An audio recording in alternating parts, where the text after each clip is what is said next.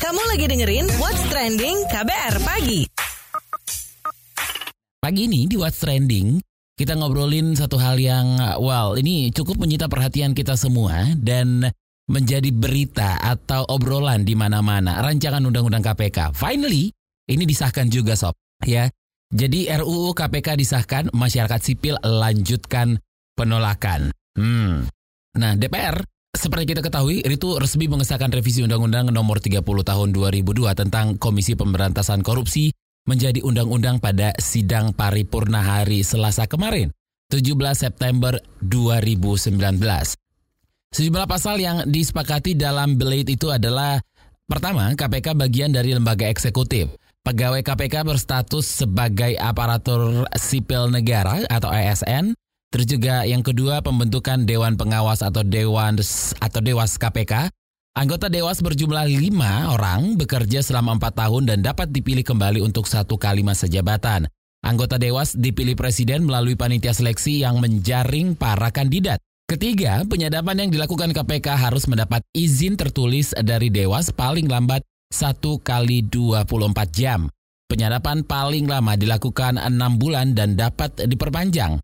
Yang keempat, KPK berwenang menghentikan penyidikan dan penuntutan apabila tidak selesai dalam dua tahun.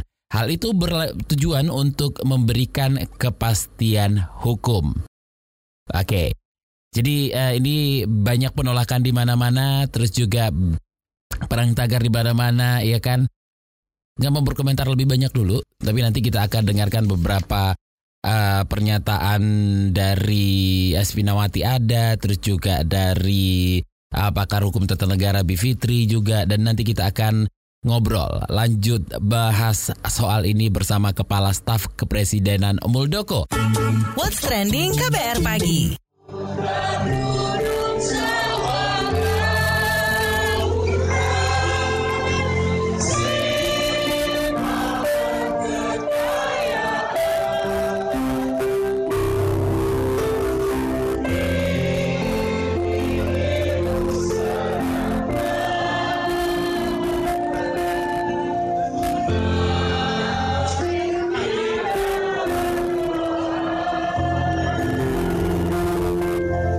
Itu tadi aksi teatrikal yang digelar Koalisi Masyarakat Sipil Anti Korupsi Indonesia yang disebut sebagai pemakaman KPK kemarin malam di lobi Gedung Merah Putih KPK Jakarta.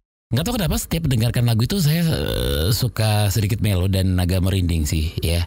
Wow, by the way, ya kita masih ngomongin soal rancangan Undang-Undang KPK disahkan masyarakat sipil lanjut penolakan.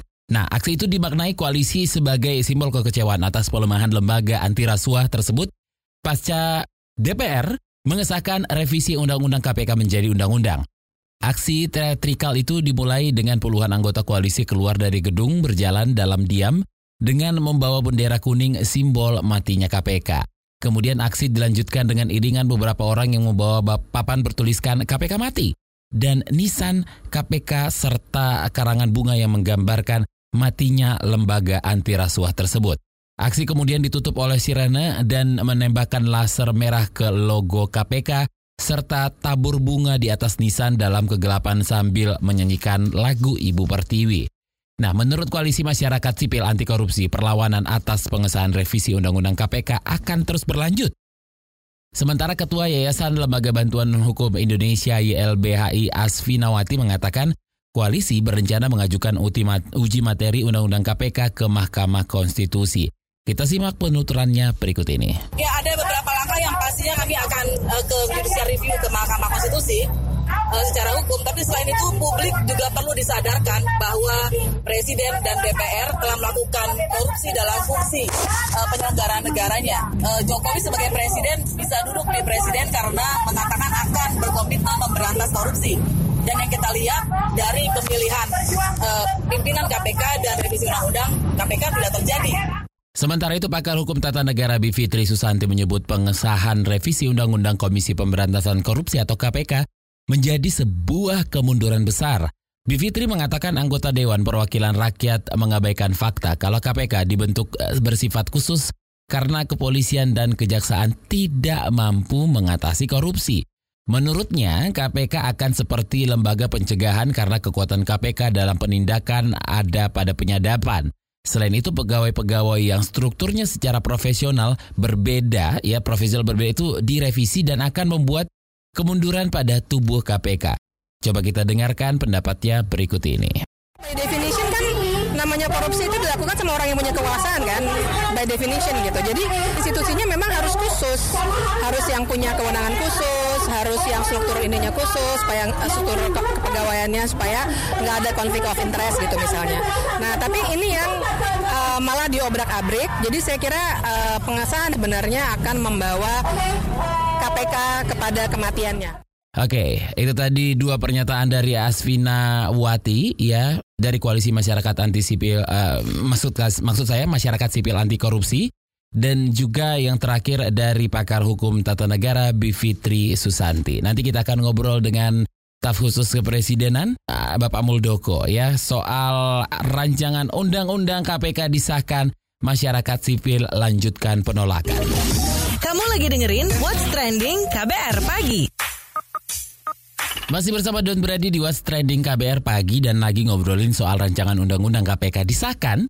Masyarakat sipil lanjutkan penolakan. Nah, Istana Kepresidenan mempersilahkan kelompok masyarakat yang tak puas terhadap pengesahan undang-undang KPK mengajukan uji materi ke Mahkamah Konstitusi. Jadi Kepala Staf Presiden Muldoko mengatakan negara itu gak akan menghalangi hak publik mengajukan uji materi terhadap undang-undang KPK tersebut. Muldoko juga meminta masyarakat menghormati revisi undang-undang KPK karena um, telah menjadi produk hukum yang disepakati pemerintah dan DPR. Lebih lanjut kita bahas bersama Kepala Staf Presiden Muldoko. Pak Muldoko, tanggapan pasca disahkan Undang-Undang KPK, bagaimana sikap pemerintah sesungguhnya nih Pak? Ya sampai kali ini sudah final ya apa yang dihasilkan oleh DPR dalam sebuah proses panjang untuk melakukan revisi Undang-Undang KPK ini. Jadi walaupun melalui berbagai kritik, masukan dan seterusnya, pada akhirnya revisi itu sekarang ini sudah selesai. Jadi menurut saya karena ini produk hukum yang dihasilkan oleh DPR ya, mari semua masyarakat Indonesia bisa melihat perkembangannya ke depan seperti apa. Yang paling penting lagi adalah ingin saya tegaskan bahwa Pak Jokowi selaku presiden sama sekali tidak ada niatan dan sama sekali tidak ingin mencoba untuk melakukan perubahan atas komitmennya untuk memberantas korupsi. Ini harus dipahami oleh semuanya. Jangan ada pandangan-pandangan yang minir bahwa Pak Jokowi sekarang berubah tidak komitmen dan seterusnya. Tidak, saya katakan tidak. Alasan mendukung pengesahan? Tapi masyarakat Indonesia pasti juga paham bahwa Undang-Undang KPK itu sudah 17 tahun yang dalam perjalanannya mendapatkan reaksi, mendapatkan kritisan, mendapatkan berbagai masukan dari segala penjuru.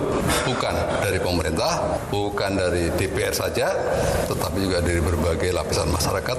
Untuk itulah DPR menampung berbagai aspirasi itu dan sebagai bentuk wujud akumulatif dari semuanya itu adalah proses politik berakhir dan inisiasi dilakukan oleh DPR untuk melakukan revisi. Hmm, oke, okay. Pak Muldoko, bagaimana kita bisa melihat komitmen pemberantasan korupsi dari Presiden? Masih sangat kuat dimiliki oleh Presiden Jokowi. Buktinya apa? Buktinya ya setelah RUU itu dilempar ke pemerintah, berbagai perbaikan yang diinginkan, ada feedback dari pemerintah. Pemerintah melakukan berbagai masukan. Kalau pemerintah tidak berkomitmen, maka mungkin nggak banyak koreksi. Buktinya kan banyak koreksi yang dilakukan oleh pemerintah untuk memberikan masukan atas revisi itu. Jadi ini sebuah bukti nyata bahwa dari situ Pak Jokowi muncul sikap komitmennya yang nggak berubah. Nah, Koalisi Masyarakat Sipil Anti Korupsi berniat mengajukan uji materi uh, Undang-Undang KPK ke Mahkamah Konstitusi. Tanggapan Pak? Nah, itu kan haknya publik, ya. Hak publik kan nggak bisa kita batasi. Tapi yang pokoknya yang paling penting adalah proses politik itu harus dilihat secara jernih supaya masyarakat tidak salah di dalam melihat. Itu. Kalau nanti salah melihat dari kacamata yang berbeda, maka yang disalahkan hanya presiden, yang disalahkan hanya pemerintah. Ini yang yang nggak fair kan begitu. Lihat proses politik secara keseluruhan sehingga kita melihatnya menjadi uh, lebih lebih bijaksana. Baik, itu tadi uh, Kepala Staf Presiden Muldoko. Terima kasih Pak Muldoko. Dan abis ini nanti kita akan dengarkan apa tanggapan Miss KBR soal revisi Undang-Undang KPK. Sabar pengen dengar nyinyirannya ya. Tapi ya memang ini menjadi perhatian kita bersama ya setelah RUU KPK ini disahkan menjadi undang-undang masih banyak uh, penolakan di sana sini karena mungkin alasan yang kurang tepat dari pemerintah. Kenapa ini harus direvisi? Banyak juga yang bertanya, ini kenapa ya kok ya buru-buru gitu ya? Apa karena masa uh, jabatan para anggota DPR itu sudah mau habis? Tapi ya kenapa buru-buru banget gitu loh. Ini ini yang jadi banyak pertanyaan warganet, bukan hanya warganet deh ya. Kita semua Ya ini selalu bertanya-tanya, apa? What's trending KBR pagi? Penasaran sama komentar Miss KBR? Ini dia Miss KBR. Betapa hatiku takkan pilu telah gugur pahlawanku Komisi Pemberantasan Korupsi atau KPK. Jadi ya mereka akhirnya mengesahkan itu revisi Undang-Undang Nomor 30 Tahun 2002 tentang Komisi Pemberantasan Korupsi. Padahal sedari awal kan udah dibilang kalau poin-poin revisi itu bakal melemahkan KPK, bukan malah menguatkan seperti argumennya mereka-mereka itu. Aduh, ini nih yang bikin Miss KBR sedih nih. Hati ini rasanya tersayat sembilu oleh ketok palu milik dewan yang konon mewakili rakyat alias DPR RI. Artinya, dewan pengawas bakal jadi dibentuk meski ditunjuk presiden sih. Belum lagi tuh fungsi penyadapan yang kudu pakai izin. Nggak apa-apa, orang Indonesia Raya ini kan emang ramah ya, penuh dengan sopan santun. Nah, kalau mau menyadap terduga koruptor, ya minta permisi dulu gitu, bagian dari budaya ketimuran itu. Huh. Lagian kan, Dewan Pengawas bakal memberikan izin tertulis buat itu per permintaan penyadapan paling lama satu kali 24 jam sejak permintaan diajukan. Bener, biar persiapan lebih matang. Dilihat dulu alat-alatnya udah memadai apa enggak, biar nggak bocor gitu rencana sadap menyadap itu ya kan? Mungkin begitu ya niatannya. Eh, belum lagi tuh ya perkara status pegawai KPK yang jadi ASN alias aparatur sipil negara itu supaya mengikuti aturan-aturan negara. Lah, apa selama ini mereka nggak ngikutin aturan negara gitu?